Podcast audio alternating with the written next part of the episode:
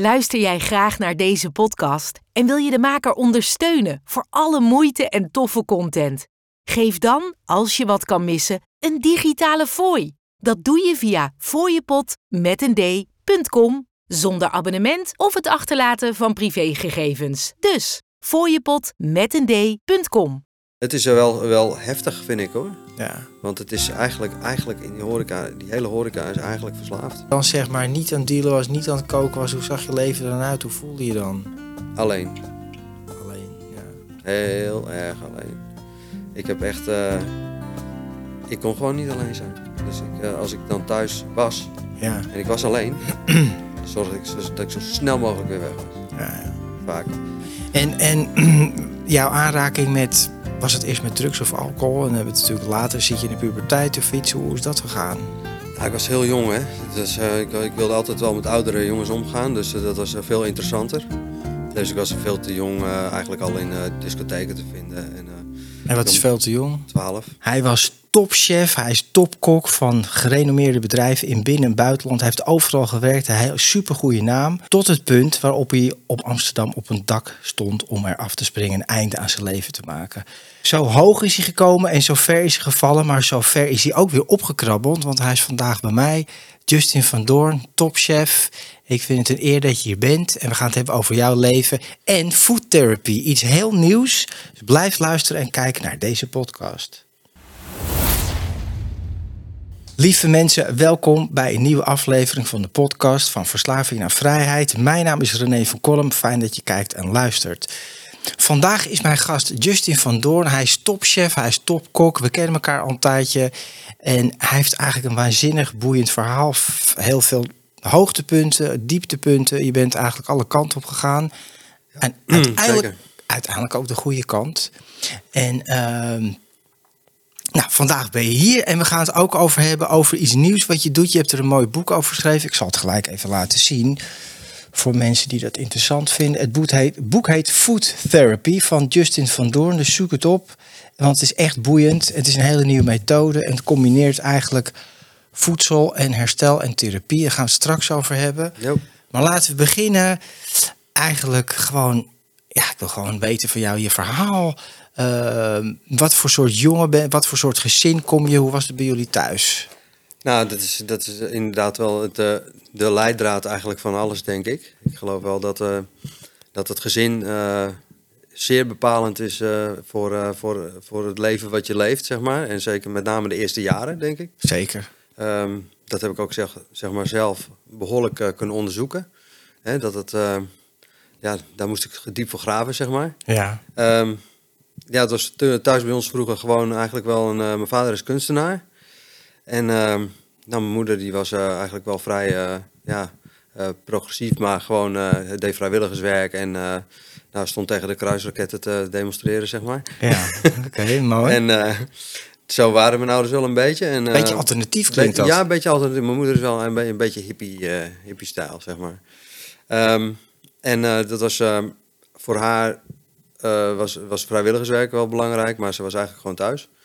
Eh, mijn vader had een eh, winkel op Ameland in het noorden, want ik ben opgegroeid in Friesland.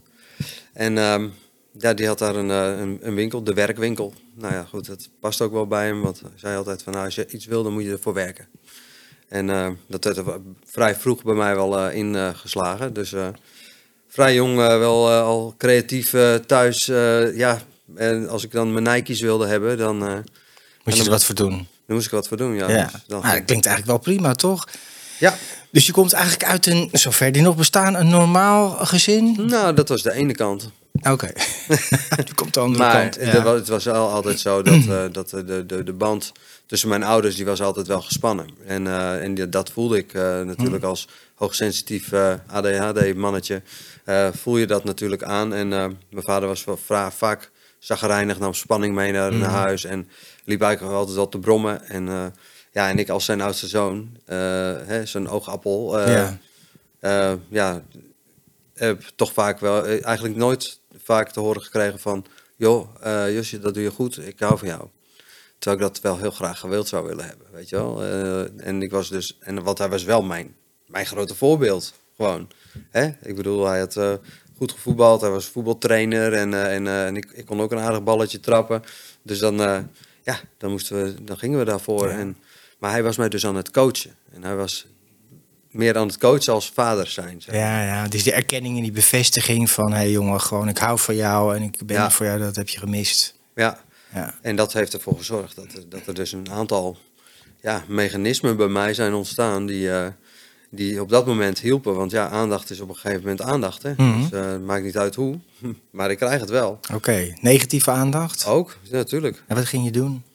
Nou, het, is, het, het was eigenlijk altijd, eh, daar, daar, daar kwamen de maskers al, hè, als klein, als klein eh, kindje, weet je wel. Dan, dan is er dus een groot een voorbeeld als een voetballer bijvoorbeeld. En dat, dat wil je dan zijn. Ja, Dus dan ga je, ik, ik, ik ging zelfs mijn haar zo doen, zoals, zoals die voetballer. Dus dat geeft eigenlijk, als ik terugkijk, al aan van, weet je, daar wilde je eigenlijk al niet jezelf zijn. of Ja, zo. ja. Of het gaf jezelf de kans niet om jezelf te zijn. En ehm, ja, dat, eh, dat was met mijn vader, was, ja, die, die, eh, die zei eigenlijk altijd van, ja, doorzetten jongen, want anders word je nooit een prof. ja. Dat was eigenlijk, en daar had hij zelfs een liedje van gemaakt. Hm. Dus dat, dat dreunde in je hoofd door. Dus dat heeft me ervoor gezorgd dat ik of heel erg, eh, ik was loeifanatiek, te fanatiek. Dus leverde de rode kaart op. Gewoon, want ik moest, ik moest winnen, ik moest de beste zijn. Ik moest eh, eh, eh, het, het grappigste zijn van iedereen. Dus ja, om dat maar niet te voelen, dan maar de aap op de rot zijn Ja, die, ja, die bovenaan staat. Hè? En dat is eigenlijk het begin van mijn, van mijn verslaving geweest, denk ik. Oké, ja. Ja. ja. mooi dat je dat zo ziet, hè? want het begint natuurlijk sowieso ergens. We moeten er aanleg voor hebben, maar er zijn natuurlijk zeker componenten van thuis en gewoon coping, hè, waar je, ja, die je Ja. vormen. Ja, zeker weten. En, en jouw aanraking met, was het eerst met drugs of alcohol? En dan hebben we het natuurlijk later, zit je in de puberteit of iets, hoe is dat gegaan? Nou, ik was heel jong, hè. Dus, eh, ik, ik wilde altijd wel met oudere jongens omgaan, dus eh, dat was eh, veel interessanter. Dus ik was veel te jong eigenlijk al in discotheken te vinden. En En wat is veel te jong? 12. Dat is, dat is jong. ja, Ja, op mijn twaalfde dan ging ik eh, ging wel naar, ja, was dan zeg maar dinky of kinderdisco-achtig Ja, ja, iets. ja. Maar dat was wel het eerste aanraking, eh, aanraking met een jointje, zeg maar. ja, Ja, oké. ja. En, eh, En hadden drugs op jou gelijk, hè? de- dat zeg ik heel vaak, maar de eerste keer dat ik, en niet een jointje, maar echt serieuze middelen ging gebruiken, had het echt een mega-effect op mij. Eh, Was dat bij jou ook zo? Of Ja. was het ja, wel gelijk bingo? Nee, dat eerste pilletje, dat was, was echt... ja, dat was wauw.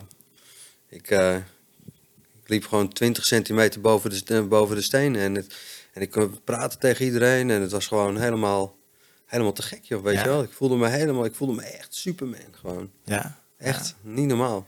En ehm, ja, toen dacht ik van ja, nou, dat, dat ga ik gewoon, dit ga ik niet, dit is niet de laatste keer, zeg maar. Hè? Sterker nog, Nee. het eerste weekend erop meteen en dan, ja, dat, eh, dat ging zich opbouwen natuurlijk. Mhm. Ehm, en eh, dat eh, heeft uiteindelijk ervoor gezorgd dat ik meerdere dingen ging gebruiken, andere dingen ook. Ja, Ja, en hoe oud was je toen? dat was gewoon een hele middelbare eh, schoolperiode eigenlijk. Hè? Dat was eigenlijk mijn, mijn, mijn, mijn testfase. En in de laatste twee jaar, ja, toen kwam ik eigenlijk bij mijn middel uit. en dat is eigenlijk gewoon een soort van, ja, ik denk ach- achteraf ook een soort van zelfmedicatie geweest. Ja. het, het bracht me ook rust in mijn, in mijn hoofd, maar ik kon er ook op, op werken. Ik kon er eigenlijk alles op doen. We hebben het over cocaïne, dat kunnen we dan weer wel noemen. Ja. Nee, geen cocaïne, speed. Oké. Oh, speed. Oké. Ja, ja, echt. Ja. Ik ben echt een speedkicker geweest. Ja, ja.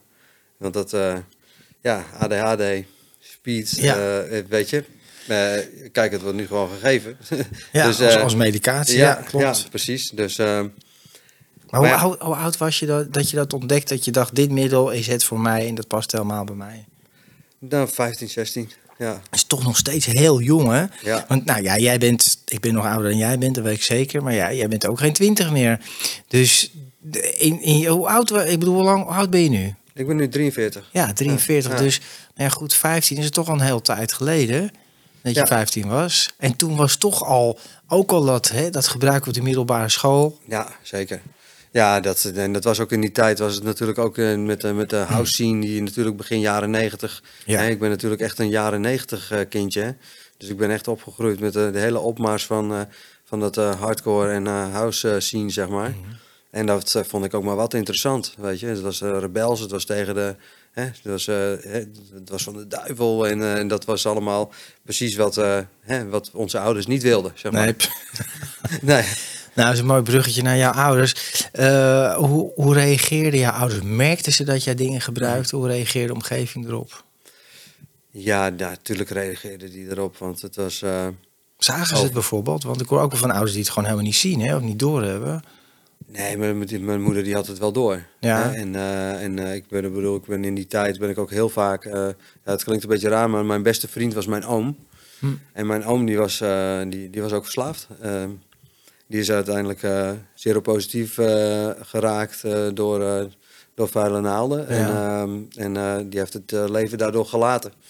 En uh, ja, dat, daar voelde ik me altijd heel erg senang. Daar, daar voelde ik me veilig. Uh, Bij je oom? Ja, toen nog leefde, daar, kon ik alles, daar kon ik alles vertellen en dat kon ik thuis niet.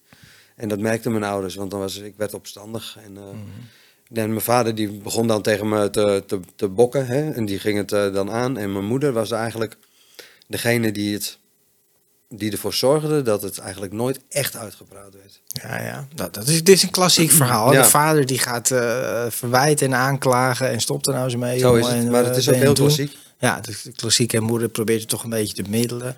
Ja, nou ja, goed. En uh, dat, uh, dat, dat zorgde ervoor dat, dat, dat, ja, dat ik steeds verder verwijderd raakte eigenlijk van, van, van, van thuis. Ja. En ook hè, op een gegeven moment aan het einde, einde ik ben op mijn zeventiende moest ik de deur uit.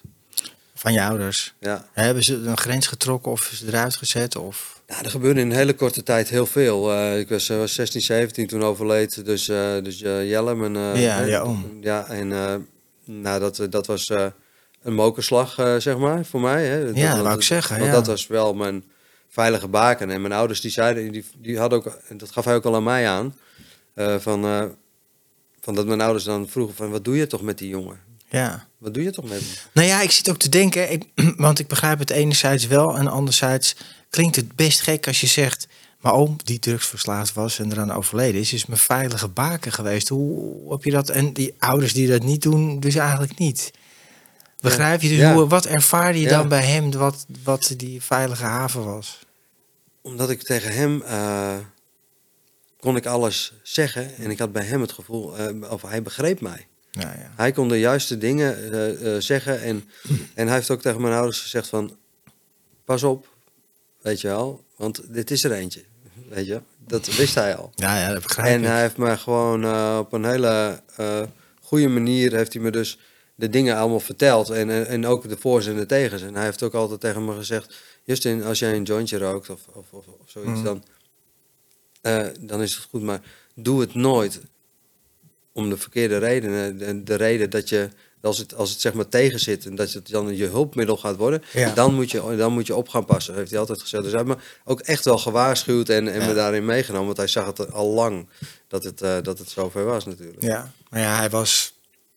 Ik begrijp dat ook wat je zegt. Maar aan de andere kant was hij natuurlijk ook weer niet de beste adviseur, omdat hij het zelf ook deed. Maar ja, Ja, ik begrijp wel, als je alles kan vertellen en iemand begrijpt je. En ja, ja. ja. Maar op je zeventiende van huis, dat is wel echt jong. En toen, wat, wat ben je gaan doen? Nou, ik, ging- ik ging natuurlijk eh, werken en leren. eh, want de school, boeken, dat eh, nou, was niet echt iets voor mij, zeg maar. Nee. Toch wel iets te actief en te bewegelijk. en dat, dat, dat werkte gewoon niet. Ik ben echt een doener. Weet Ja. je? Dus, en, en van hard werken, daar was ik nooit vies van. Ik heb altijd echt wel van jongs af aan altijd wel gewerkt. Mhm. En dat, dat werd er wel in gepompt, zeg maar. En ook op een hele jonge leeftijd ook hele aparte dingen al gedaan hoor. Dan deed ik gewoon recreatiewerk op een, op een, op een camping. En dan stond ik gewoon meeleeftheater te spelen, weet je wel. Dus had ik weer een pakje aan, hè. Ja, ja, Kon ik weer een clownspak aan. Nou, daar ging ik helemaal voor. Dus als ik maar niet mezelf hoefde te zijn, dan Ja, ging dat- ik helemaal top. Ja. Maar goed, je was wel bezig en je werkte van alles. En was is dat koken of is dat pas veel later in beeld gekomen? Want je, bent, niet- je wordt niet zomaar topchef. Nee, dat was, eh, nou ja, goed. Op een gegeven moment was het zo van, ja, s'avonds was was het wel vaak zo dat mijn ouders er dan niet waren of zo. En eh, ik kreeg daar best wel veel verantwoordelijkheid ook. Mm. Eh, Ook, eh, ook eh, over op mijn zusjes eh, moest ik passen. veel te jong ook allemaal. Ehm, en eh, dan moest ik zelf wel eh, ja, het eten maken. Of, eh, Mm. dat, dat zat er al vrij vroeg wel in. Er is zelfs een fotootje dat ik op zo'n stoofje sta met mijn arm of met mijn muitjes opgerold. En daar, had ik blonde krullen, kan je nagaan. en uh, en uh, daar stond ik gewoon zo'n appeltaart te maken, weet je wel. En het is helemaal gefocust erop. En dat is een hele mooie foto is dat geweest. En dat was, toen was ik vier of zo. Dus het, zit er, het zat er al wel heel jong in. Ja. En uh, ja, ik zeg altijd maar van toen ik geen prof, profvoetballer meer kon worden, toen, uh, toen ben ik maar kok geworden, weet je wel. nee, maar ik vond het leuk. Het was ook het eerste wat bij me opkwam. En dat ben ik gaan doen. En het werken en leren, dat stond me heel erg aan. Ja. En toen dacht ik van, nou, dan ga ik hier de allerbeste in worden. Ja, dat kan je gewoon goed. Ja, dat is ja. mooi. En uh, ja, dat begon bij een, uh, bij een simpel, uh, bij de boot van Ameland ook weer. Dus dat, dat, dat ja, ja. restaurant op die pier. En dat was ja, eigenlijk gewoon alleen maar frikandellen, pannenkoeken, broodjes gezond. En, maar wel heel veel tegelijk. Dus ja. ja, dat was natuurlijk voor mij als ADHD'tje, was dat natuurlijk heerlijk. Lekker gaan. Ja, en dat, kon ik, en dat leerde ik combineren. Dus eigenlijk heb ik die, mijn ADHD heb ik eigenlijk door koken. Want ja, dat is alleen maar organiseren, ja. communiceren en dingen op tijd af hebben, zeg maar. Dus ja, dat, ik heb eigenlijk dat ADHD onder de knie gekregen door het, mijn werk. Ah, bijzonder. Dat is een soort therapie ook. Eigenlijk wel, ja. Ja, ja, ja. Oké, mooi. Mooi dat je dat ontdekt hebt. Maar goed, frikandellen en broodjes gezond, dat is ongeveer... Uh, en nou, nou, komt ja? het, nou komt het egootje alweer. Want uh, ik bedoel, ik zei op een gegeven moment zei ik, tegen, die, tegen die chef natuurlijk van weet je, maar uh, dit is natuurlijk geen koken, weet je wel. Ik, ga, ik, ik, wil in een echt restaurant werken. Nou, dat moet je tegen die chef daar zeggen. Die, was die vond hij natuurlijk niet zo... Vond hij niet zo... Nee, want ik bedoel, ik, ik, neem nooit een blad voor de mond. Ik zeg altijd wat ik denk. Dat is ook niet altijd goed geweest. Maar ik bedoel, uh, het is wel gewoon wat het is. Ja. En dat is ook altijd wel bij mij zo. Dus um, ja, toen ben ik daarna ben ik, uh, ben ik daar ben ik naar, hoe heet het, naar uh, gegaan. En dat, toen kwam ik bij een hotel terecht waar een hele goede chef stond. En uh, daar werd ook echt gekookt, weet je wel. Ja. Nou, toen dacht ik van ja, maar dit is het. En uh, ik heb altijd toen gezegd van ik wil alles zelf leren maken. Niet geen pakjes, geen poedertjes. klinkt een beetje raar, maar... Ja, ja. In deze podcast, moet ik begrijpen, in dit geval in de keuken, ja. Maar ja, het, het, is, het, is, ja. het heeft het echt twee, twee dingen. Het is, het is echt mijn passie geworden. Ik ben ervoor gegaan.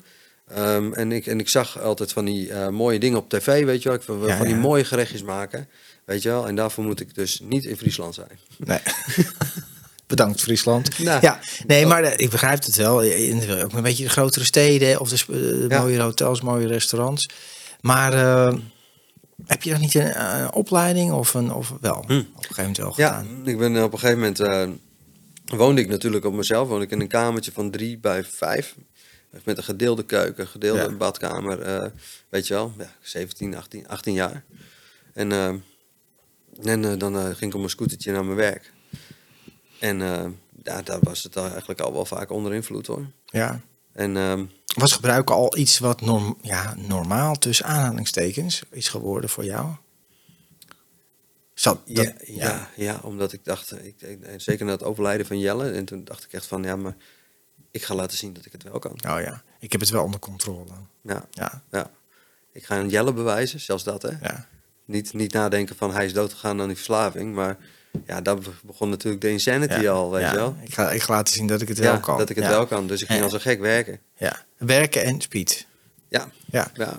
Maar ik weet niet, ik, ik, speed was nooit mijn middel. Ik heb het wel eens gebruikt, maar dan kan je gewoon, ik kon gewoon echt helemaal niet slapen. En, nee. en ik, ik, ging gewoon niet uit. Had je dan, ging er ook bij drinken of dat soort dingen? Of niet? Nee. Nee? nee. Oké, okay, bij jou werkt het net even anders. Ja, bij mij werkt dat uh, anders. Bij mij, ik word er juist, uh, ik, ik, ik, ik, ik had echt het gevoel van, ik kan hier alles op. Ja, ja. Weet je wel, want ik kan, uh, ik kan een perfecte fruitjes versieren. Ik kan perfect koken. Ik, kan, ik, ik ben altijd fit en, en en ik, ik kan het gewoon aan, weet je wel. Ja. Dus het leverde me echt wat op. Ik heb Ja. mijn, mijn diploma's op de, op de speed gehaald. Oké. Ja, Ja. als het dan ja, als het resultaat heeft, weet je wel, dan ga je toch echt geloven. Ja. Ja. Nou ja, goed, als, zolang het voor je werkt en niet tegen je werkt, dan... eh, Zo ja. is het. Ja. Ja, nou, goed. En, en ehm, nou ja, hoe is het vanaf vandaar, zeg maar... Wanneer ben je nou in, in problemen gekomen? Hoe is dat geëscaleerd, dat hele gebruik- en verslavingsstuk? Mm, het is eigenlijk echt geëscaleerd. Ehm, ik heb ook een hele periode gehad dat het, dat het niet zo was. Want ik heb, op een gegeven moment had ik een vriendinnetje. Ja. En ehm, de, bijna een relatie van zes jaar gehad. En daar, daar was het dus gewoon niet nodig. Dus dat was wel een gegeven, zeg maar. En toen ging het, die periode ging het eigenlijk ook een heel stuk beter, weet je wel. Dan dronk ik wel eens een drankje. Of, we- maar, en dan ging ik twee keer per jaar gingen we eens naar een festival. Ja. En dan deed je eens een keer wat gebruiken. Dat heb ik echt een aantal jaren tussendoor gehad. Mhm. En, eh, maar toen dat overging, toen de relatie uitging, toen ben ik weer teruggegaan naar Friesland. Ben back to the roots, Ja. eh, zeg maar. En eh, toen kwam ik daar bij een restaurant te werken. En die jongens daar die gingen ook weer, weer naar die housefeestjes. Ja. En toen sloop het er weer in. En, Ja. en toen dacht ik van ja, vrijheid weer hè. Ja. Ja. Dus, het, dus toen was het alweer snel weer werken. En dan hadden we s'avonds, hè, want we gingen daar wel voor. We hebben daar ook die ster verdiend. Ehm, Michelinster. ja, Dus dat, maar dan is wel echt, dan kan je wel echt koken, zeg maar, als je een Michelinster hebt. ja, maar daar, daar heeft het ook nooit aan gelegen. hè. Nee. Ik bedoel, in die tijd was het echt zo van, van Justin, je barst van het talent. Maar je bent gewoon zo'n ongelofelijke lul. Ja, Ja. moet erom lachen. En, en, en als je zegt, ik was een ongelooflijke lul, waar, waar was je dat dan mee? In je gedrag? Hoe zag dat ik- eruit? gedrag. Ik was heel erg... eh, voor mij ziet mijn verslaving er zo uit, eigenlijk. Dat in mijn, mijn werk was ook mijn verslaving. Hè. Mijn, passie, mijn passie werd gewoon, eh, werd gewoon mijn obsessie. En, eh, en dus het ging over de top in alles. Weet je, het moest altijd beter. Maar ik verwachtte ook van de mensen om mij heen, zeg maar, dat zij dezelfde zij doen, zouden ja. hebben. En dat ze dezelfde tempo als ik ze aan zouden kunnen. En dat ze, en dat, dat, dus, dat dat dus de standaard is. Ja. Ja, daarmee wals je natuurlijk over alles en iedereen heen. Grenzen heen, ja. En als ze het dan niet deden, dan, dan, dan hadden, ze, dan hadden, ze het, eh, hadden ze het mooi te verduren. krijg je het wel te horen. Dan maakt, ja, ja, ja, dan, ma- maar dat, nou, dan werd ik ook soms wel gemeen, weet je wel. En dan, eh, de meisjes van de bediening zijn wel bang geweest om de keuken in te komen bij mij.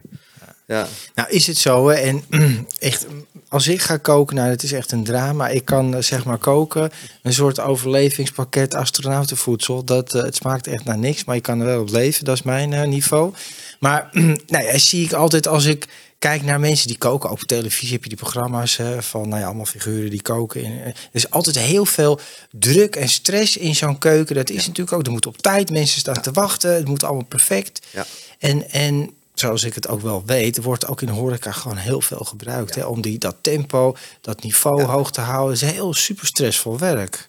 Ja, dat is het ook. En eh, dat, is, dat is ook e- echt wel een, een voedingsbodem eh, voor mij eh, geweest hoor. Nou, niet alleen voor jou, denk en, ik. En, maar, voor heel ja. veel. Ja, nee, ik, ik bedoel, ik durf dat rustig te vertellen. Dat, dat, dat het meer, aan, meer aan, de, aan de orde van de dag is.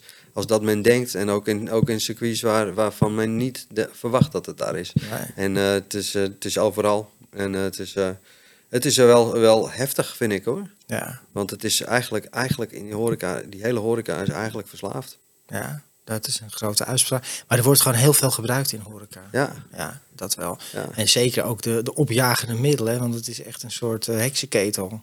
Ja, nou ja, goed, je moet het eh, op een gegeven moment wel volhouden. Maar zeker nu de afgelopen periode, denk ik, na de pandemie, was het wel, Ja. ja. ja, was, daar is, het, is er wel, eh, denk ik, een hele hoop veranderd voor, eh, voor de mensen. En er zijn heel veel mensen uit de, uit de horeca zijn Ja. iets anders gaan doen, die er dus uitkwamen en dachten van, ja, ik sta nu eh 12 uur per dag sta ik te werken en ik kan Mhm. het nu ergens anders verdienen. En dat is gewoon eigenlijk makkelijker. Ja, Maar, en, en, de- en je bent gewoon thuis, hè? Want ik bedoel, je bent natuurlijk ook niet thuis. nee. Nee, dus horeca, zij horeca kan je misschien wel een beetje vergelijken met het leven wat ik had gehad. Optreden, veel stress. Het is ook een beetje een show, je moet presteren, veel druk erop. Ja. Ja. En, en als we teruggaan naar jouw leven, want als ik, ik heb jouw boek ge- eh, gelezen en stukken eruit gelezen. En nou, is nog van alles gebeurd. Je bent op allerlei buitenland, ben je ook plekken gaan koken, echt gerenommeerde restaurants en Ja. hotels. Ja, ja van alles. eh, eh, steeds maar weer de kans eh, grijpen, zeg maar. Of in ieder geval, dat is wat ik dacht. Ja, Ik dacht van, oh, nu, dit is de kans om, zeg maar, nog beter te worden. En ik wilde altijd graag naar het buitenland. buitenland. Het interesseert me ook echt heel erg. ja, andere mensen, andere culturen. Hè? Want ik dacht bij mezelf van, als ik nou in de breedte heel erg sterk word, hoef ik niet de beste te zijn, maar wel bovengemiddeld. Dan, Mhm. dan doe ik het gewoon als chef, leidinggevende, manager, doe ik het gewoon ja, net bovengemiddeld heel erg goed, weet Ja. je wel. ja. Dus ehm, in plaats van me te specialiseren in één ding. Dus dat, dat vond ik zelf heel belangrijk. En ik wilde gewoon zoveel mogelijk dingen zien. Dus ja, ik was eigenlijk binnen een jaar eigenlijk altijd wel weer weg hè, Ja, ja. Bij, bij een eh, werkgever. Ehm, en het buitenland was eh, ja, heel dubbel eigenlijk. Want ik had natuurlijk op mijn werk had ik het altijd keurig voor elkaar. Hè? En dan was ik handje de voorste Ja. en, en zorgde ik gewoon, dat rulede ik eigenlijk zowel de sfeer als, eh, als de kwaliteit. Mhm. Ehm, waarvan ik nu denk dat als ik het anders had gedaan, dat het misschien wel nog beter had kunnen zijn. Ja, maar jij denkt al snel dat het beter... Hoor ik je zeggen, Nee, als het als- beter en... Nou, maar dat- Ja. ik, heb daar, ik, heb daar, ik heb daar mezelf niet de kans gegeven om met mensen samen te werken, omdat mijn wet, of wil wet was. Ja, op die manier, oké. Ja, Ja, ja, ja. en, ehm, dat, ehm, ja, dat, daar zijn eh, hele, hele, het was eigenlijk vluchten.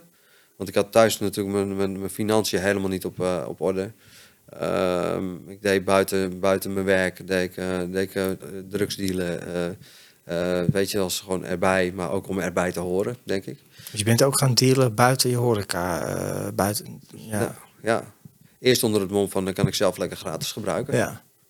ja. Ja, dat is de, dat is de eerste. Hè? Je zou toch zeggen van, want zo'n eh, werk in zo'n keuken is allemaal heel super stressvol. Dan als je klaar bent, en je verdient meestal ook, hè, een kok verdient, dacht ik altijd wel goed.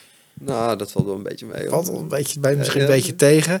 Nou ja, goed, dus drugs erbij dealen om nog even wat bij te verdienen, je eigen gebruik te betalen. Ja, Ja, en waar, maar dan, ja, waar heb je dat allemaal gebracht? In de klas iets in de Caribische eilanden ben je geweest. Ja, hele foute dingen gedaan, hele foute dingen gezien. Naar Colombia geweest. Nou, daar hoeven we verder niet heel erg veel over uit te wijden. Maar Ja. daar heb ik echt wel verschrikkelijke, heftige, traumatische dingen ook gezien. eh, wat, Ja. eh, het was echt net, een, echt net een film. Ja. Eh, ik, heb, ik heb in een film geleefd. Zo, zie, zo zie ik het eigenlijk, weet je wel. En, het, het- en dat is het eigenlijk ook. Hmm. Want ik kan nu eigenlijk, als ik nu naar mezelf terugkijk in die periode... dan zie ik dat ook echt als heel iemand anders. Ja, en, en wie, wie was je dan in die periode? Want het klinkt dan ook als een film. Hè? En- Colombia was- Zuid-Amerika. Eh, ja, dan, eh, ik, ik, ik kwam daar ik, op een of andere manier, overal waar ik ben geweest in het buitenland. Dus eh, Frankrijk, Ierland, België, Spanje, Ja, Duitsland, eh, eh, Aruba, Curaçao. Ehm, overal kwam ik weer steeds weer bekende mensen tegen. Maar bekende mensen als in foute jongens. Foute jongens. Ja, ja, ja. En dan van het ene eh, oude jongens krentenbrood, van het een komt het ander. Ja, joh. Ja. Van, eh, nou, maar hier kunnen we het maken. Ja, ja. En wat En- bedoel je met maken? Met Nou, dan, dan van als we dit nou, want eh, als we dit nou eventjes opzetten, als we Dealen. dit dealen, Ja. deze, deze, dit lijntje opzetten, ja, van daar naar hier, dan, ja, dan verdienen we zoveel en dan, ja, ja, dan, dan, zijn de, dan zijn we zo een hele grote speler, weet je. En dat dan ook echt geloven, hè? dat je dat dan als Nederlandertje ja. die alleen naar Aruba gaat en denkt daar eh, het paradijs te vinden en eh, nooit meer terug te gaan naar Nederland. Mm. Ja, dan, dan zit je natuurlijk al ergens op een, op een wolk die niet helemaal klopt, weet je wel. Nee, nee, nee. Want ik bedoel, Aruba is niet het paradijs. Nee. nou ja, zeker niet in die wereld. Nee, Nee, nee, nee. nee. Maar dus je, jouw leven was inderdaad een soort film. Nou, dat ken ik ook wel. Hè, maar en jouw privéleven buiten, want je zei ook van thuis was het eigenlijk... Als je dan zeg maar niet aan het dealen was, niet aan het koken was... Hoe zag je leven dan uit? Hoe voelde je dan? Alleen. Alleen, ja. Heel erg alleen. Ik heb echt... eh, ik kon gewoon niet alleen zijn. Dus ik, eh, als ik dan thuis was Ja, en ik was alleen... dan zorgde ik zo, dat ik zo snel mogelijk weer weg was. ja, ja. vaak. Maar ik zorgde wel, mochten er mensen thuiskomen, dat dus mijn huis altijd helemaal spikkerspan was. Helemaal likkie lakkie schoon. Want, Ja, want ja, het moet natuurlijk wel, hè? ja, de show must. Maar het is ook wel een buitenkant weer, hè? Heel Ja, erg, alles, ja, alles buitenkant. Ja. En aan de andere kant heel erg begrepen. Ik kon altijd heel goed eh, naar andere mensen luisteren en heel goed adviezen geven aan iedereen. En, eh, en dat vonden ze allemaal helemaal prettig. Ja. En daar was ik, ben ik gewoon heel slim en manipulatief in geweest. Al die tijd eh, van, nou ja, ja bij hem kan ik gewoon mijn ei kwijt. En dat Ja. vond ik natuurlijk een heerlijk, en het was een heerlijk bad voor mij. Mhm. En ook voor mijn verslaving. Dat, daar ben ik natuurlijk later achter gekomen. Want ik, ik geloofde gewoon echt heilig in, het, in, in, in wat, wat ik dan was. Als ik mijn koksjas aantrok, Ja. voelde ik ook gewoon...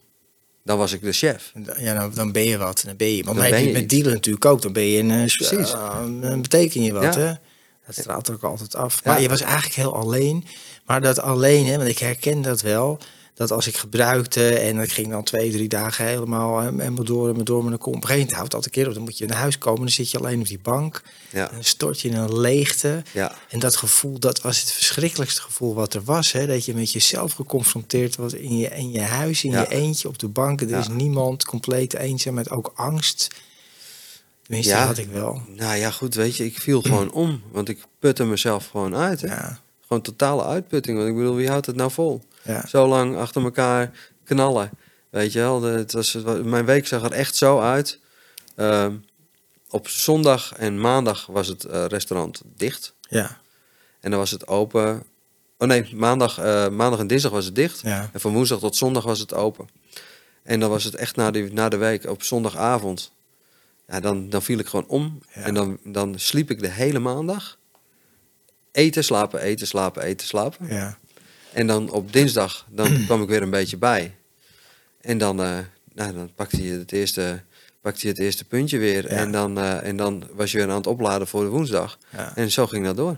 En dat is heel lang zo gegaan. Jaren. Ja, Ja, ja, het is echt een, eh, het is echt een, een, een, wonder dat... ik, ik, heb, nog- ik heb nog steeds geen gaatjes in mijn tanden. Dan heb je geluk. Ja, ja, ja. Want ik zette het ook in, hè. Ik zet hem, het voeding zet ik ook in voor mezelf. Maar daar heb ik ook een hele, hele gedachtegang over gehad eh, in, in gebruik. Eh, dat het gewoon, ja, weet je, wat ik verbrand, ja. dan moet ik er ook weer in. Dus ik had een parodie op Basje en Adriaan, zeg maar. Wat er ook gebeurt, altijd blijven eten. Ja, ja. nou ja, goed. En, en eh, speed en eten is ook volgens mij zo'n combinatie. Tenminste, ja, een paar keer dat ik het gebruik, dan heb je geen, eh, geen zin. Nee, maar Ik, kon, ik, eh, ik zorgde er gewoon Je voor. propt het gewoon naar binnen. Ja. Ja. dus je was wel echt gaan, gaan, gaan. Hoe dan ook. Ja, heel, heel... eh, Ja, Het maximale uit- overal uit willen halen. ja, dus heel wilde- stressvol eigenlijk ook. Waar is het punt gekomen dat het bij jou gecrashed is? Of dat, dat je hulp bent gaan zoeken? Of dat je dacht van, nou, dit moet wel echt anders gaan? Nou, dat is op een gegeven moment omdat nadat ik eh, dus eh, bij echt met justitie en zo in aanraking ben geweest en ik dus eh, gepakt werd zeg maar voor het invoeren van, van, van, van drugs. Ehm, ja, toen kwam ik in die, in, in die, in de, ja, toen zat ik daar in, in de lik. Ik ben in Hogeveen geboren. Ik ben daar weggegaan, mijn ouders zijn daar weggegaan. En de eerste keer dat ik terugkwam in Hogeveen was dat ik in de baais gegooid werd. Hoe was dat? Hoe voelde dat? Ja, dat kwam, dat kwam wel binnen. Want ik, eh, ik, heb, ik ben echt over mensen en over, over eh, kinderen van, van mijn toenmalige vriendin. Ja. waren niet eens mijn kinderen. Ja, die, heb ik, die, die hebben gewoon een trauma door mij opgelopen. Dat is... eh, ja, die hebben gewoon gezien hoe ik, hoe ik daar opgepakt werd door allemaal mensen met... echt in zo'n SWAT-team, weet je wel. Ja, ja, wat dan binnenkomt vallen terwijl je bij hun in huis was. Ja. ja. Ja, dit zijn, dat zijn natuurlijk extreme voorbeelden, maar de impact op de familie is gewoon, Ja, het is hoe niet- dan ook, gigantisch. Ja, en eh. Dat, is, eh, dat is heel... eh, ja, dat is gewoon heel heftig. voor, voor, voor die kinderen en, en voor, voor mijn ex-vriendin natuurlijk ook. En Mhm. ja, daar heb ik toen echt... nou, toen was het jank als een baby, hoor. Ja, ja, dan, dat, dat is- Dan, dan breek je. ja. En ehm, ja, dat is daarna... Ben je toen hulp gaan zoeken? Ik, eh, ik heb toen heel veel mazzel gehad. Ik heb super veel geluk gehad, want ik Mm. had eigenlijk 12 jaar moeten zitten. Oké, dat is best een tijdje. Ja, dat Ja. was de eis in eerste instantie. Maar ja, ze zijn eh, allemaal eh, materiaal kwijtgeraakt. Marechaussee, eh Ja. eh, stempels die misten, hoeveelheden die niet meer klopten. Dus nou, dan kan je, dan kan je zien wat daar gebeurt. Ja, Maar dat is mijn geluk geweest. ja, ja. En dat, daardoor ben ik vrijgesproken. Ja dan wordt het geseponeerd. Hè? Als het niet genoeg eh, bewijs is, dan, dan ja. Nou, maar later ook in het hoger beroep. ja. Want dus, ze gingen er natuurlijk niet mee akkoord. Want eh, Nee, begrijp ik. dachten van, eh, we hebben een visje. Hè? En Ja. eh, eh, toen in het hoger beroep was het weer kwijt. Hm. Was het er weer niet. En weet je wat die, weet, weet je wat die rechter tegen mij zegt? Nou, meneer Van Doren, toen zat ik net in het programma. ja. Er moet hier toch haast wel een hogere macht aan het werk zijn. Ik denk, Je zat toen in het programma al. Ben, je, ben je toen naar de meeting gegaan of dingen? Nou, dit hoger beroep. Ik, Ja. ik, ik, ging, ik was natuurlijk eerst eh, werd ik eh, zeg maar vrijgesproken. Toen ben ik daarna eh, ben ik drie maanden clean gebleven uit de, de bias. Ja, En toen ben ik daarna een soort van leefstijlprogramma ingegaan. En dan kreeg Ja. zo'n rood boekje, weet je wel. Nou, dat was een vrijbrief om zoveel mogelijk in te schrijven. Hè? Ja, dat op wat, dat je, boekje wat je gebruikt al. Ja. ja. Dus eh, nou, dat ging niet goed. En toen kwam ik op een gegeven moment kwam ik echt op een, eh, op een nulpunt dat ik, eh, ja, dat ik ergens op een prostitutie ooit lag en mijn eigen naam niet meer wist. weet je, en, dan- Ja, helemaal de weg kwijt. en toen, ja. toen hebben die rechercheurs, die kwamen toen 's ochtends bij mij Ja? in de cel, die hebben me eigenlijk wakker gemaakt. Want die zeiden zo vandoor, we zagen je weer even op het bord staan en Ja. wat, we dachten van, eh, dit kon wel eens interessant zijn, maar we zien jou hier nou zo zitten. Waar is die stoere boy nou, hè? Mhm. Eh, je stinkt, man. Ga jezelf wassen. Ga naar huis en zoek hulp. En eh, jij zou, want ik had ze plechtig beloofd dat ik nooit meer terug zou komen naar zoveel geluk. Hmm. En toen zat ik daar weer. En ze, ze zeiden van, ik dacht dat je nooit meer terug zou komen. Ik denk. Ja. En toen heb ik mijn moeder gebeld. Oké, ja. Ja, Hoe reageer Heb je de hele tijd geen contact met haar gehad? had twee jaar geen contact, nee. De meest verschrikkelijke dingen tegen haar gezegd. ah, ook nog. En eh, eh, ja, maar ze kwam me wel halen. Ja, maar ja, dat is de kracht van de moeder, hè, die altijd vergeeft en altijd voor je klaar is. Dat, Ja, ja, goed, en dat is ook op zich een mooie kracht natuurlijk. En ze kwam je halen en toen? nou, toen zei ze van, eh nou Jus, ik wil je wel komen halen, maar we gaan nu wel hulp zoeken. Ja. En daar was ik het ook eigenlijk, was ik het ook eigenlijk direct mee eens. Hm. Weet je wel? En eh, ja, toen, eh, toen ben ik zelf gaan, eh, gaan. Eerst ben ik een paar dagen natuurlijk eh knock-out gegaan. Mhm. Eh, nou, ik denk dat het, het heeft daar niet veel gescheeld of ik liet het leven, denk ik. Het was echt, echt heel heftig. Maar mijn- toen waren mijn zusje en mijn moeder ook weer heel bang. Want toen lag ik daar in bed en ik was, ik was gewoon niet aanspreekbaar. Het was gewoon Maar wat had je daarmee gebruikt, bedoel je dat? Of? daarvoor, hè? Ja, Ja. natuurlijk. Want ik kwam natuurlijk, mijn moeder kwam me halen, maar Ja. ik was natuurlijk nog steeds. Nee, je was nog niet genezen, zeg maar. Nou, nee, je was eh, niet in herstel. Nee. Nee, nee, dat is ook nog alles behalve clean, zeg maar. Ja, dus, ja. eh, dus dat moest er eerst wel uit. En dat was wel heftig voor hun, die paar dagen. eh. Toen ben ik het hulp, hulp gaan zoeken, ja. Ja. En toen mocht ik het, eh, mocht ik het anders gaan doen. En, eh, En toen ben je bij de 12-stap-programma meetings terechtgekomen? bij, ik ben toen naar de Jelinek, in. Minnesota gegaan. Oké. ja. Surinameplein. Ja, Ja. ja. ja, dat, dat ken ik. Want, Ja. ik ook geweest. Ja. Ja, hoeft voor mij dat niet per se de. Jelinek Minnesota te noemen. Maar toen ben je in behandeling gegaan in een 12-stappenkliniek. En, Ja. en, en daar heb je daar het licht gezien of dacht je, wat zijn dit voor mafkezen allemaal? Nee, ik, ik, ik, ik dacht eigenlijk nog steeds toen ik, eh, toen ik daar eh, voor de deur stond, nadat ik eh, zelf Ja. zo goed als door het oog van de naald gekropen was. Toen dacht ik van ja, maar nu kom ik gewoon bij de echte junkies terecht. Ja, ja. Deze mensen, dat zijn dus. Ik had nog steeds zo'n prototype van een verslaafde in mijn hoofd. Van dat is iemand zonder kleren, eh, die onder een brug slaapt in een kartonnen doos. Ja. En dat is dan een verslaafde. En eh, dat, ja, daar zou ik dan bij terechtkomen. Dus, nou, weet je, ego was eigenlijk direct weer daar. Hmm. Arrogantie gewoon. Alleen toen kwam ik in de, in die groep eh, terecht. En toen moesten we onze gebruikersgeschiedenis mochten we met elkaar delen. Hè, om te zien van hoe je verslaving dan werkt. En toen eh, deden wat groepsgenoten, toen ik in die groep mocht, Mhm. eh, deden toen een eh, gebruiksgeschiedenis. En nou, dat was wel mijn eerste kippenvelmomentje en een realisatiemoment dat, eh, dat het misschien met mij wel heel erg gesteld was. En dat het me, dat, hè, Ja. want ja, die mensen, die, ik denk van shit, deze mensen zitten hier voor hier. Maar dat deed ik er gewoon bij. Ja, dus het was bij jou eigenlijk veel erger. Veel erger. Ja. ja. Ja. En het tweede moment was dat ik op een gegeven moment eh, in een, de eerste meeting zat. Want de eerste week in, die- in zo'n kliniek mocht je natuurlijk nog niet Mhm. naar de meeting. Maar eh, toen zat ik op de eerste meeting daar, eh, daar in die, die dat was, en dat was wel een grote meeting. Hè? Op vrijdagavond Ja. was een grote. Er zaten er soms wel z- 60, 70, 80 man. Dus was een, en toen hoorde ik dus ineens iedereen, ja, het, is, het klinkt heel cliché, maar er waren wel mensen die ineens durfden te delen over de dingen die ik ook had. Weet Ja, je wel? Dus ik herkende veel dingen. Alleen het moment dat, eh, dat er met z'n allen die, eh, de, de uitleiding was, werd gedaan Ja. van een bepaalde kaart. Van, Ja.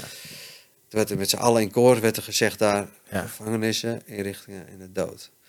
En toen dacht ik, wauw, nu heb ik het ook. Ja. Dan, eh, toen dacht ik, shit, wat ga je doen? Gevangenis, check. Inrichting, zit je nu? Ja. Dood? Mm, scheelt niet alles. Wat ga je doen? Je zat er heel dichtbij. Ja, ik zat er heel dichtbij. En je twee van de, de- van de drie had je al bijna gehad. Ja, ja. ja. en Ja. Die, nou ja, die derde, die scheelde ook niet heel Nee. erg veel. Dus ehm, ja, toen dacht ik van, oké, wat ga je doen? Ga je dood of ga je leven? Nou, dat is, dat is gelukkig zijn dat maar twee keuzes. Hè? ja, dus dan, eh, ik zeg van, nou, ik ga leven, man.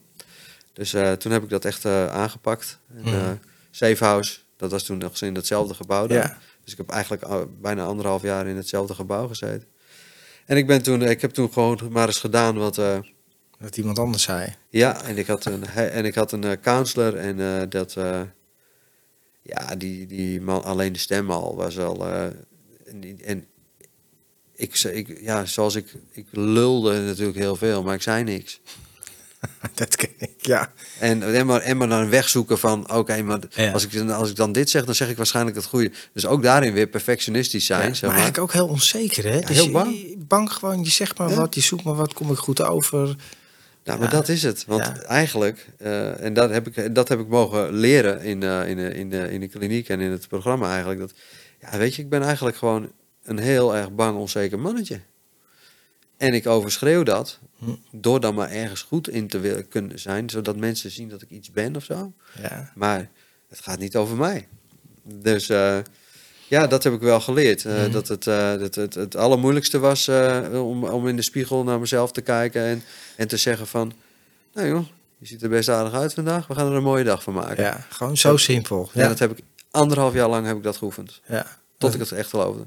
Wat mooi, dat vind ik wel echt mooi om te horen dat je dat ook echt gedaan hebt. Ja. Ja, En gewoon simpel houden ook. Hè. Eh, Niet van, ik ben pas wat als ik die inderdaad weer in dat restaurant ben of dat of op dat podium sta of in die baan hebt of die Ja. vrouw, dan, dan is het pas goed. Nee, het is nu al goed. Gewoon, jij bent wie je bent.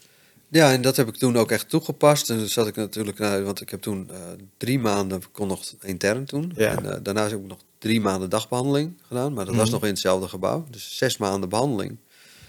Ja, dat was ook, dat was ook echt wel nodig. Ja, En dan de zeefoutsperiode erachteraan. En toen kon ik weer wat vrijwilligerswerk gaan doen. Ja, en ik was natuurlijk eigenlijk wel bang. Van, oh jee, en nu? Want kan ik nog wel koken? ja. Kan je nog terug in Kan nog terug? beroep? Ja, begrijp Nou ja, ik. natuurlijk in de fellowship kwam ik natuurlijk eh, Ja. iemand tegen die, eh, die werkte bij een bedrijf in Amsterdam. En eh, die zegt van, eh, ja, we hebben geen koks. En oh, ben jij dan een... eh, Dat zijn nou vooral kokstekort, altijd. Al- altijd. En Ja. ik zeg van, hé, hey, maar eh, ja, kan ik niet eens bij jullie, kan ik niet bij jullie vrijwilligerswerk doen, Ja. weet je wel? En eh, hij zegt van, ja, joh, daar ben je veel te goed voor, man. Eh, de, ik zeg van, eh, nee, nee, nee, nee, ik wil, wil het graag doen. En toen ben ik dus dat bedrijf binnengestapt. En eh, toen heb ik eigenlijk gewoon gezegd van, hallo, ik ben Justin. Eh, ik heb een eh, traject eh, ondergaan eh, voor, voor verslaving. En ik was meteen eerlijk daarover. Dus ik ben er naar binnen gegaan. En ik wil eigenlijk even ontdekken of ik nog een mes, een verlang naar een mes, een snijplank en een pan, zei ik. en gewoon om het weer te voelen, weet je wel. Ja. En, of het, of het, en dat was gewoon eigenlijk een test voor mezelf. Ook omdat ik anders natuurlijk altijd met een bepaalde air naar binnen liep. En Ja. om mezelf naar binnen te fietsen. Want hè, mezelf naar binnen lullen, dat lukt me altijd. Maar toen deed ik het dus op een andere manier, waarin ik niet vertelde wat ik gedaan had. Ja, ja, of wie ik was, of wat ik gepresteerd had. Maar gewoon, ik ben ik. Ja, laagdrempelig. Ja. En toen, eh, ja, toen kwamen ze natuurlijk vrij snel achter. Hè? En ik was eigenlijk blij dat ik het gedaan had. De eerste dag dat ik daar was, toen dacht ik van, oh, dit is een kledingbedrijf. En eh, nou, dat kan toch nooit zoveel zijn, weet je wel? Ja. Ja, toen stonden daar ineens 300 man van mijn neus. Nou, ik ben nog nooit zo nat gegaan in mijn, in mijn, in mijn kokscarrière als de eerste dag daar.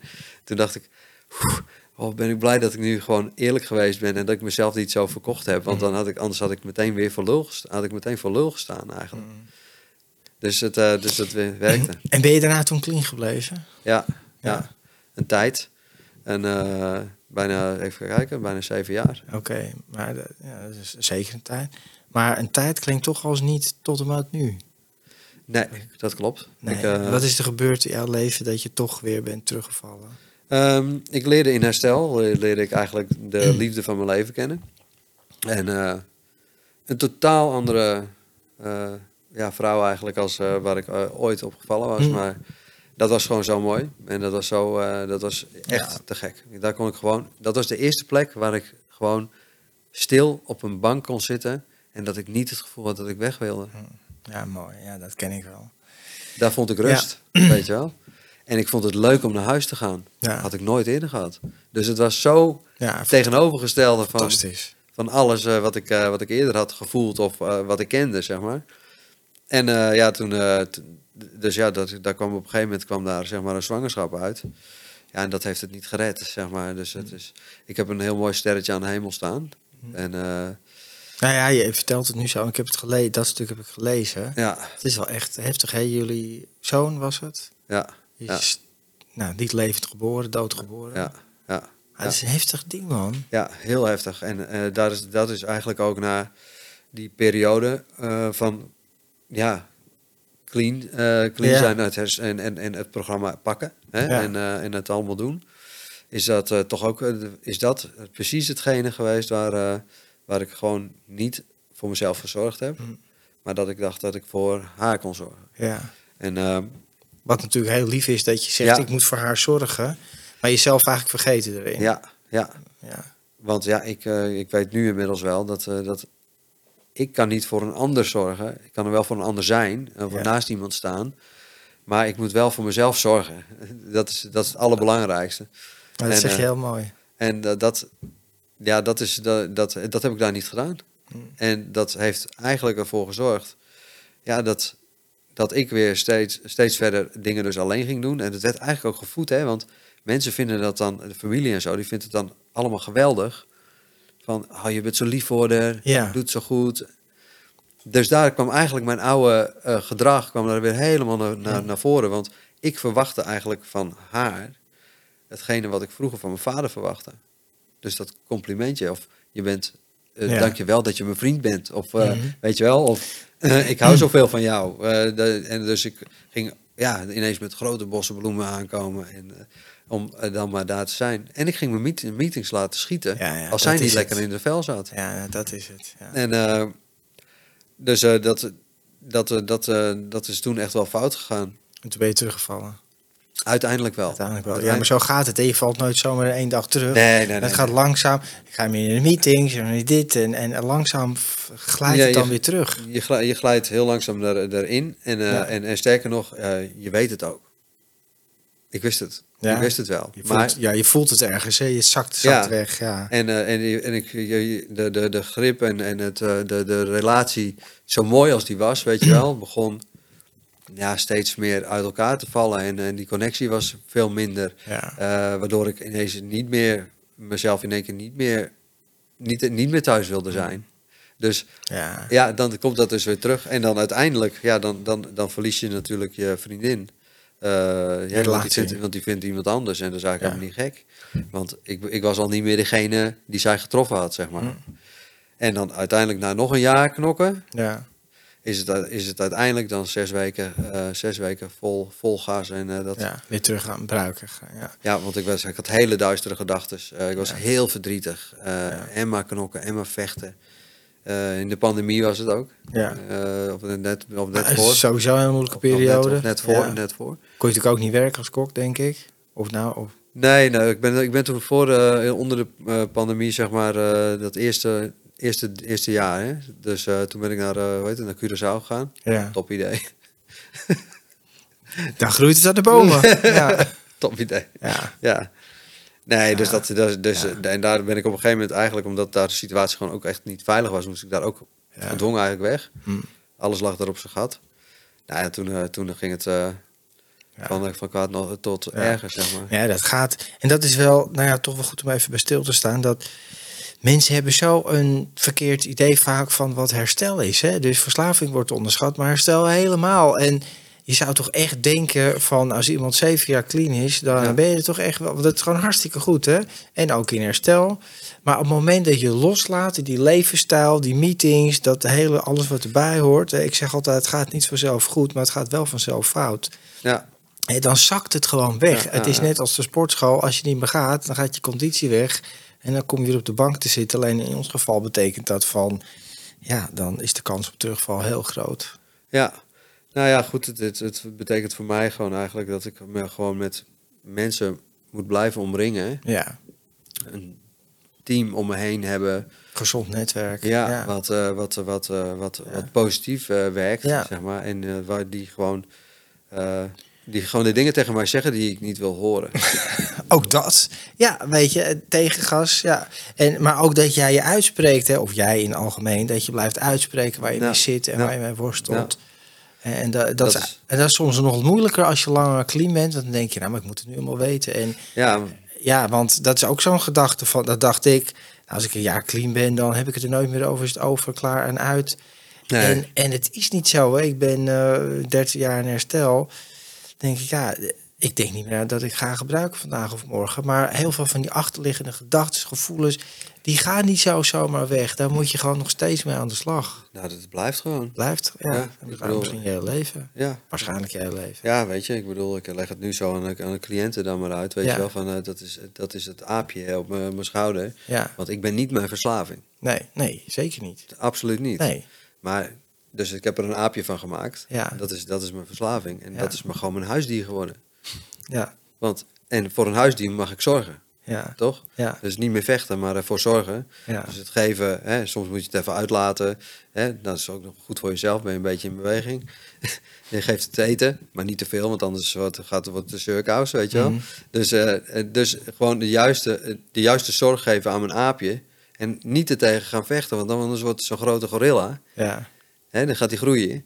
Ja, en daar ga ik niet van winnen. Nee, je bedoelt, je moet wel je verslaving ja, aandacht blijven geven. Dat klinkt natuurlijk heel dubbel. Maar niet door te gebruiken, maar door de Nee. meetings en door je uit te spreken. Ja. En met goede mensen te ombrengen. Ja. Ja, en, en- En zo blijf jij in, ja, in controle, als ik zo'n woord, maar in herstel van je verslaving. Ja, Ja, door, je- ja. door mezelf heel duidelijk lo- los te koppelen van, eh, van, eh, eh, van, van, van eh, ja, mijn verslaving heel duidelijk los te koppelen van mezelf. ja, Dat is, dat is heel belangrijk. ja, Want als ik weer ga geloven dat ik het ben, dan, eh, nou, ja. dan, dan kunnen we beter inpakken. Ja. Nou, dat is wel mooi. En het is natuurlijk ook best dubbel, hè? Want in de meetings zeggen we... ik ben René en ik ben verslaafd, hè? Ja. En ik denk altijd... Het is heel goed om... Want het eerste wat iemand natuurlijk altijd zegt is van... Ah, maar ik ben niet verslaafd, hè, ik ben geen verslaafde. Dus dat is in het begin is die ontkenning is gewoon gigantisch. Ja, ja. Maar als je jaren blijft zeggen, ik ben verslaafd, ik ben dit, dan word je eigenlijk die verslaving. En je hebt een verslaving, maar je bent niet een verslaving. Precies. Hey, en je hebt, eh nou goed, nog even als laatste, hè, want daar ben je ook weer uitgekomen. En dat vond ik heel eh, verdrietig om te lezen, dat je op een gegeven moment in de complete ellende en wanhoop echt op een dak hebt gestaan in Amsterdam om Ja. eraf te springen. Ja. ja, ik zag het eh, echt niet meer zitten. Het werd heel duister en dat, en dat kende ik nog niet. Ja, Want ik heb altijd, ehm, no matter what, met alle, alle Mhm. dingen die ik gedaan heb, goed, kwaad, eh, maakt allemaal niet uit, eh, had ik altijd wel van dat ik een, een uitgang zag of een oplossing, weet Ja. je? En eh, die zag ik toen niet meer. Dat was het, en, en, en ik heb echt een aantal keren, zo'n een keer of zes ged- letterlijk gedroomd, dat ik eh, naar boven liep in dat gebouw, weet je wel, waar ik uiteindelijk op het dak stond. Hm.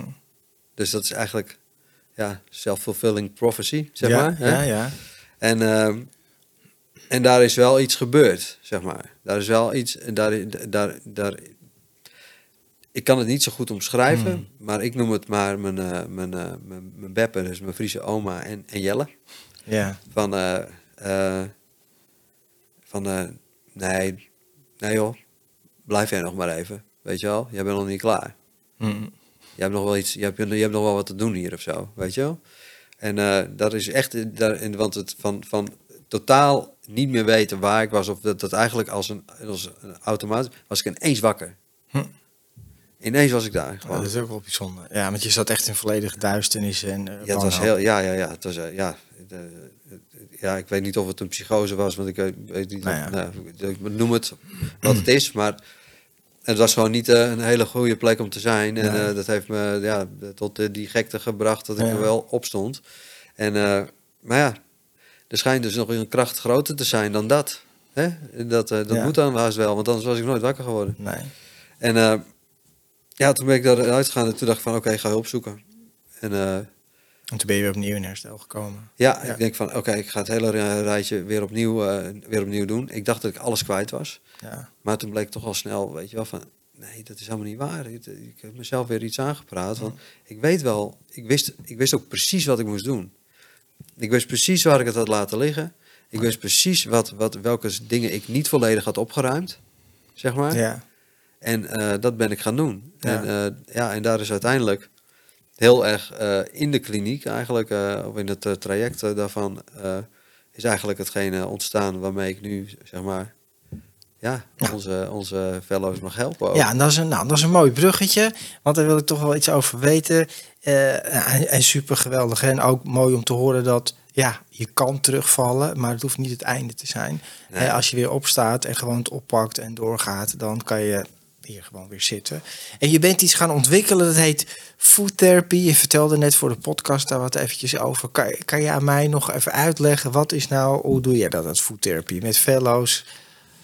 Met fellows. En, eh, met fellows eh, nou ja, bij, hè, bij, bij Yes Weekend mag ik het eh, dan iedere Ja. vrijdag doen in, in de International Kliniek. En dat is, ja, dat is gewoon heel erg ontwapenend hoe je met die, ja, met die kids, eh noem, het altijd, noem ik het altijd maar, eh, mag werken. En eh, ze, ze koken dan hun favoriete gerecht, hun favoriete kindergerecht. Ja, En ik geloof namelijk dat voeding veel meer vertelt eh, als, als wat, wat we denken, zeg maar in eerste instantie. Want Ja. het is iets wat we iedere dag doen. Het is heel erg vanzelfsprekend op een of andere manier. Terwijl dat misschien wel helemaal niet zo is. Dat wij iedere dag gewoon kunnen eten wat we willen. ja, En ook in ieder jaargetijd alles kunnen krijgen. Het is bizar. Het gaat helemaal nergens over. Maar die kids die schrijven dan eh, hun verhaal eh, van hun... eh, want aan zo'n gerecht zit een belangrijk persoon verbonden, ja, zeg maar. En vaak is het iets heel eenvoudigs en het, en het eerste wat bij je opkomt, weet je wel? Want Ja. je herkent de geur. Nou, dat is natuurlijk... eh, geur is natuurlijk direct eh, verbonden met emotie. Ja, en met je Ja, herinneringen en je brein, ja. Ja, ja. Ja, dus het gaat in één keer ergens naartoe waarvan je niet verwacht eh, dat, dat je er al bent.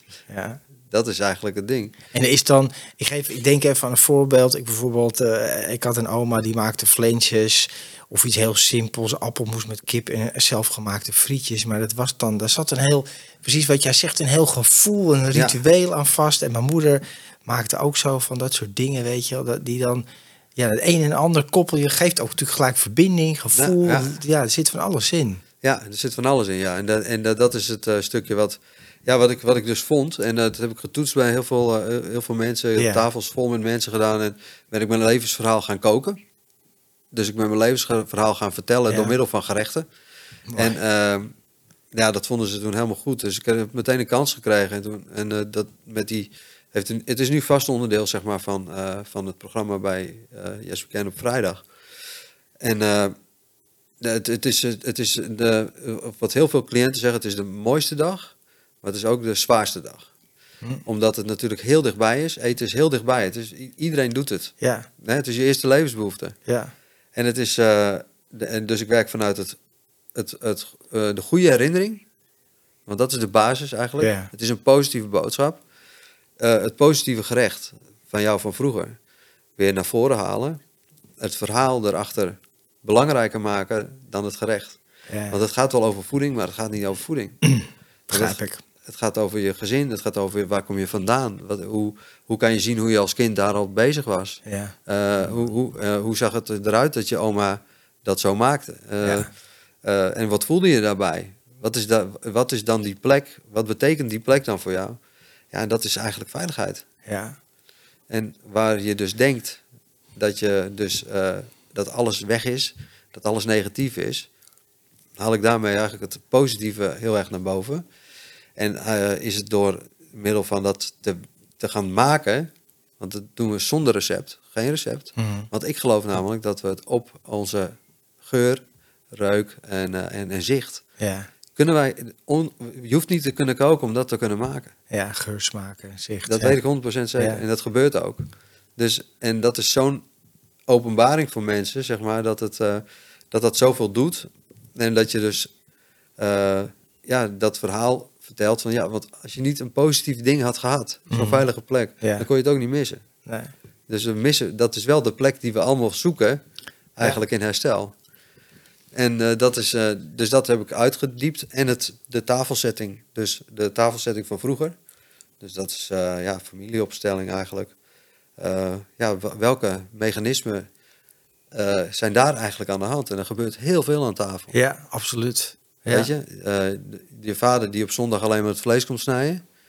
Nou, wat, wat voor, hoe is dat dan? Weet je, dat is een beetje hoe. Dus dat is spanning. Ja. Er zijn de meest akelige stiltes aan tafel. Maar er zijn ook de grootste feesten. Eh, de grootste geheimen worden, bewa eh, eh, worden bewaakt.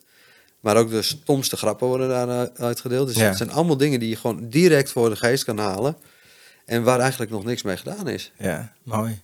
Echt mooi, jongens, zoals je dat vertelt. En die link die je legt, het gaat natuurlijk, herstel gaat over verbinding. Ja. En inderdaad, hè, die veiligheid en die plek opzoeken in jezelf en, en met anderen waar dat zit. Eigenlijk ook liefde natuurlijk, want daar gaat het ook om. Ja. Aan de hand van een gerecht, ja, heel mooi. Heel mooi. En nou ja, wat ik zelf ook weet, en dat las ik ook in je boek, wat natuurlijk heel logisch is, maar voeding is sowieso belangrijk voor iedereen, maar zeker voor iemand die verslaafd is. Want Ja. je had het net even over de term junkfood. Ja, die bestaat, Ja.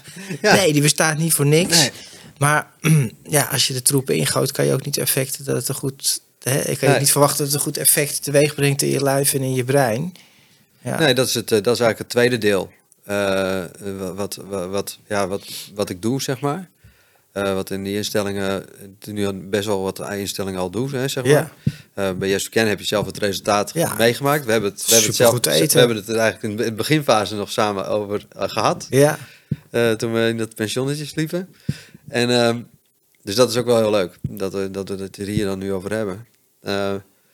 Maar het, het, het stukje het- gedragsverandering kan echt door middel van voeding komen. Ja. En, en, en, en dat is natuurlijk bij iemand met een verslaving Eh, belangrijk. behoorlijk bela- belangrijk. Ja. Dat je gewoon echt je gedrag... eh, het, ja, het enige wat je hoeft te veranderen is alles, toch? ja, Dus ehm, ja, voeding kan er zo'n belangrijke rol in spelen. Omdat je, ja, je, wordt, je wordt er gelukkiger van als je gewoon de juiste stoffen in je lichaam gooit. Hm. Eh, hè, in plaats van alleen maar koolhydraten, suikers, wat, wat aan de orde van de dag is. Want Ja. we zijn met z'n allen verslaafd aan suiker. ja. En het gekke is, is dat er in de verslavingszorg eh, eigenlijk op het moment dat iemand stopt met gebruiken, eh, dat, eh, dat we er met z'n allen suikers in gooien. ja. Dus wa- wat doen we nou eigenlijk? Hè? Ja. En Dat is, dat is wel, wel een missie. Ik heb er wel een missie in, zeg maar. Ja, dit is wel mooi. En er zit ook wel, ik denk dat ook de tijd er rijp voor is, hè? want er is zoveel nou ja, slecht eten lang geweest. En, en eh, mensen hebben ook wel behoefte aan gezonde spullen gewoon. Weet je, en zeker als je gaat herstellen, ga je ook nadenken, tenminste ik wel, over ja, wat, wat heb ik allemaal naar binnen gegooid al die jaren en wat ga ik er nu nog in gooien. Wat niet wil zeggen dat je best is wat kan doen. En dat moeten we ook vooral blijven doen. Zeker. Maar die basis, eh, nou ja, en het werkt, wat jij zegt, ook op je hele gemoedstoestand hè, en Ja. op je brein. Dus nou ja, het is hartstikke mooi. man. Het is een body, mind en spirit, hè? En het is nog, Ja. ja, en, en het is ook meditatie. Koken houdt je eh, bij jezelf. Als jij een ui staat te snijden, nou reken maar dat jij weet dat jij een ui aan het snijden bent. Ja. Maar je bent met niks anders bezig. Weet je wel? Toch? Ja, En dat brengt je dus echt in het moment. En dat kan je dus echt uit je hoofd halen. Je bent voor jezelf aan het zorgen. Eh, je leert voeding een andere waarde te geven, zeg maar, eh, als dat je altijd gewend bent geweest. Ja, en waarom niet? ja, Weet je, want je gaat er zeker niet dood aan. nee. Dus dat is het, dat is het mooie ja daarvan. mooi, mooi, mooi. Dus dat is heel veelomvattend. En eh, ja, onderschat. En mensen denken allemaal dat het duur is. Ja, want dat was ook mijn gedachte. Ja, maar ge- gezond voedsel is veel duurder dan gewoon simpel voedsel. Dan, dan slecht voedsel, moet ik eigenlijk zeggen. Nee, dat is, dat is gewoon niet waar. Maar, maar het ontbreekt gewoon echt eh, aan, aan kennis. Eh, van, ook, ook, bij, ook bij personeel. Ja, Heel erg. ja, ja, dat zijn toch ook va- vaak mensen die ook eh, herstellend zijn natuurlijk. ja, En, eh, maar eh, daar ontbreekt het echt aan van wat, wat, heb, wat heb je nou eigenlijk echt nodig, weet je wel? Ja. En, en welke stoffen begin je mee op de dag? Wat, wat, wat, wat, wat, wat, wat voed je jezelf letterlijk ja. En figuurlijk mij. en figuurlijk, ja. Ja, en elkaar. Ja, En, en dit, dit is ook samenwerken. Je praat over andere dingen ja, met elkaar. Dus waar je alleen voelt... Ja, weet je, hoe lekker is het als je iemand kan bellen? Gewoon ook in herstel van... Hey, kom je even een hapje eten? ja. Maar ja, dat is het toch bij eten samen. Ja. En dat hè, samen eten samen, dat is een hele belevenis. Het is wel grappig. Ik ben er nu toch anders aan het over nadenken nu ik met jou praat. Want het is gewoon heel ritueel samen eten. En eigenlijk heel belangrijk met heel veel herinneringen. Dus eh, Ja, ja, mooi. Ja. Want ik zeg altijd maar van, eh, dit, dit stuk, eten, voeding, ja, het is, eh, het is zo dichtbij, maar het is inmiddels ook zo ver weg. Hmm. Je bedoelt bewustzijn erover, en Ja. wat het eigenlijk echt is. Ja, Ja. ja. klopt. Ja. Maar goed, het komt wel terug en daar, daar speel je ook een grote rol in. Dus, en ik vind het heel mooi om te horen en ben ik ook wel heel blij mee om te horen dat instellingen verder gaan denken dan alleen maar iemand moet stoppen met gebruiken of drinken of wat dan ook. Maar hij moet helemaal gezonder worden op elk gebied eigenlijk. Ja, Dus, en dat ze jou ervoor uitnodigen is fantastisch goed. ja nee, ik, ik, ik, ik, ik, eh, ik, eh, zie, eh, ja, ik zie het eh, rooskleurig in en ik doe gewoon alleen maar wat ik leuk vind. Ja, mooi. Nu. En eh, wat, ja, eh, groener dan dit gaat het niet worden. Nee, Toch? Nee, nee, nee. Ik pak het boek nog even, eh, dat ik het nog even kan laten zien aan de mensen die kijken. En als je luistert, het boek heet Food Therapy, Voeding voor Herstel van Justin van Doorn. Hoe, het ziet er zo uit. En, en waar kunnen mensen dit eh, boek, waar kunnen mensen dit boek verkrijgen? Op Justin? mijn, eh, op mijn eh, website heb ik een... Hoe heet die website? www.kitchen12foodtherapy.nl Oh, kitchen12foodtherapy.nl. Yes. Oké, nou goed. En als je Justin van Doorn googelt, dan kom je er ook wel, denk ik. Ja, er staan wel wat dingetjes op. Ja, nou, dingetjes. Nou, mooi. Nou, mooi. Hey Justin, ik wil je bedanken voor dit gesprek en voor het delen van je verhaal, maar ook wat je vertelt over voedsel. Echt heel mooi. En, en ja, de combinatie van therapie en voeding, hoe dat samen verbindt ook echt mooi. Ja. En eh, ja, mensen, als jullie kijken en luisteren en je herkent dit, maar ook verhalen van hoe het in de horeca is, hoe het misschien voor jou is geweest, wat je daar hebt meegemaakt en hoe ingewikkeld dat is. Kortom, deel je commentaren, deel deze video met elkaar, mensen die hier herkenning in hebben. En eh, als je het leuk vindt, like deze video en abonneer je op dit kanaal als je dat nog niet gedaan hebt. En ik wil jullie bedanken voor het kijken en of het luisteren naar deze podcast. En hoop jullie te zien bij een volgende aflevering. Dankjewel en tot de volgende keer.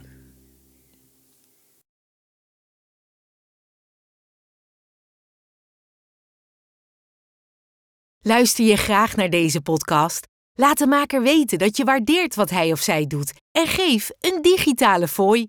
Dat kan zonder abonnement, snel en simpel via fooiepot.com. Fooiepot met een d.com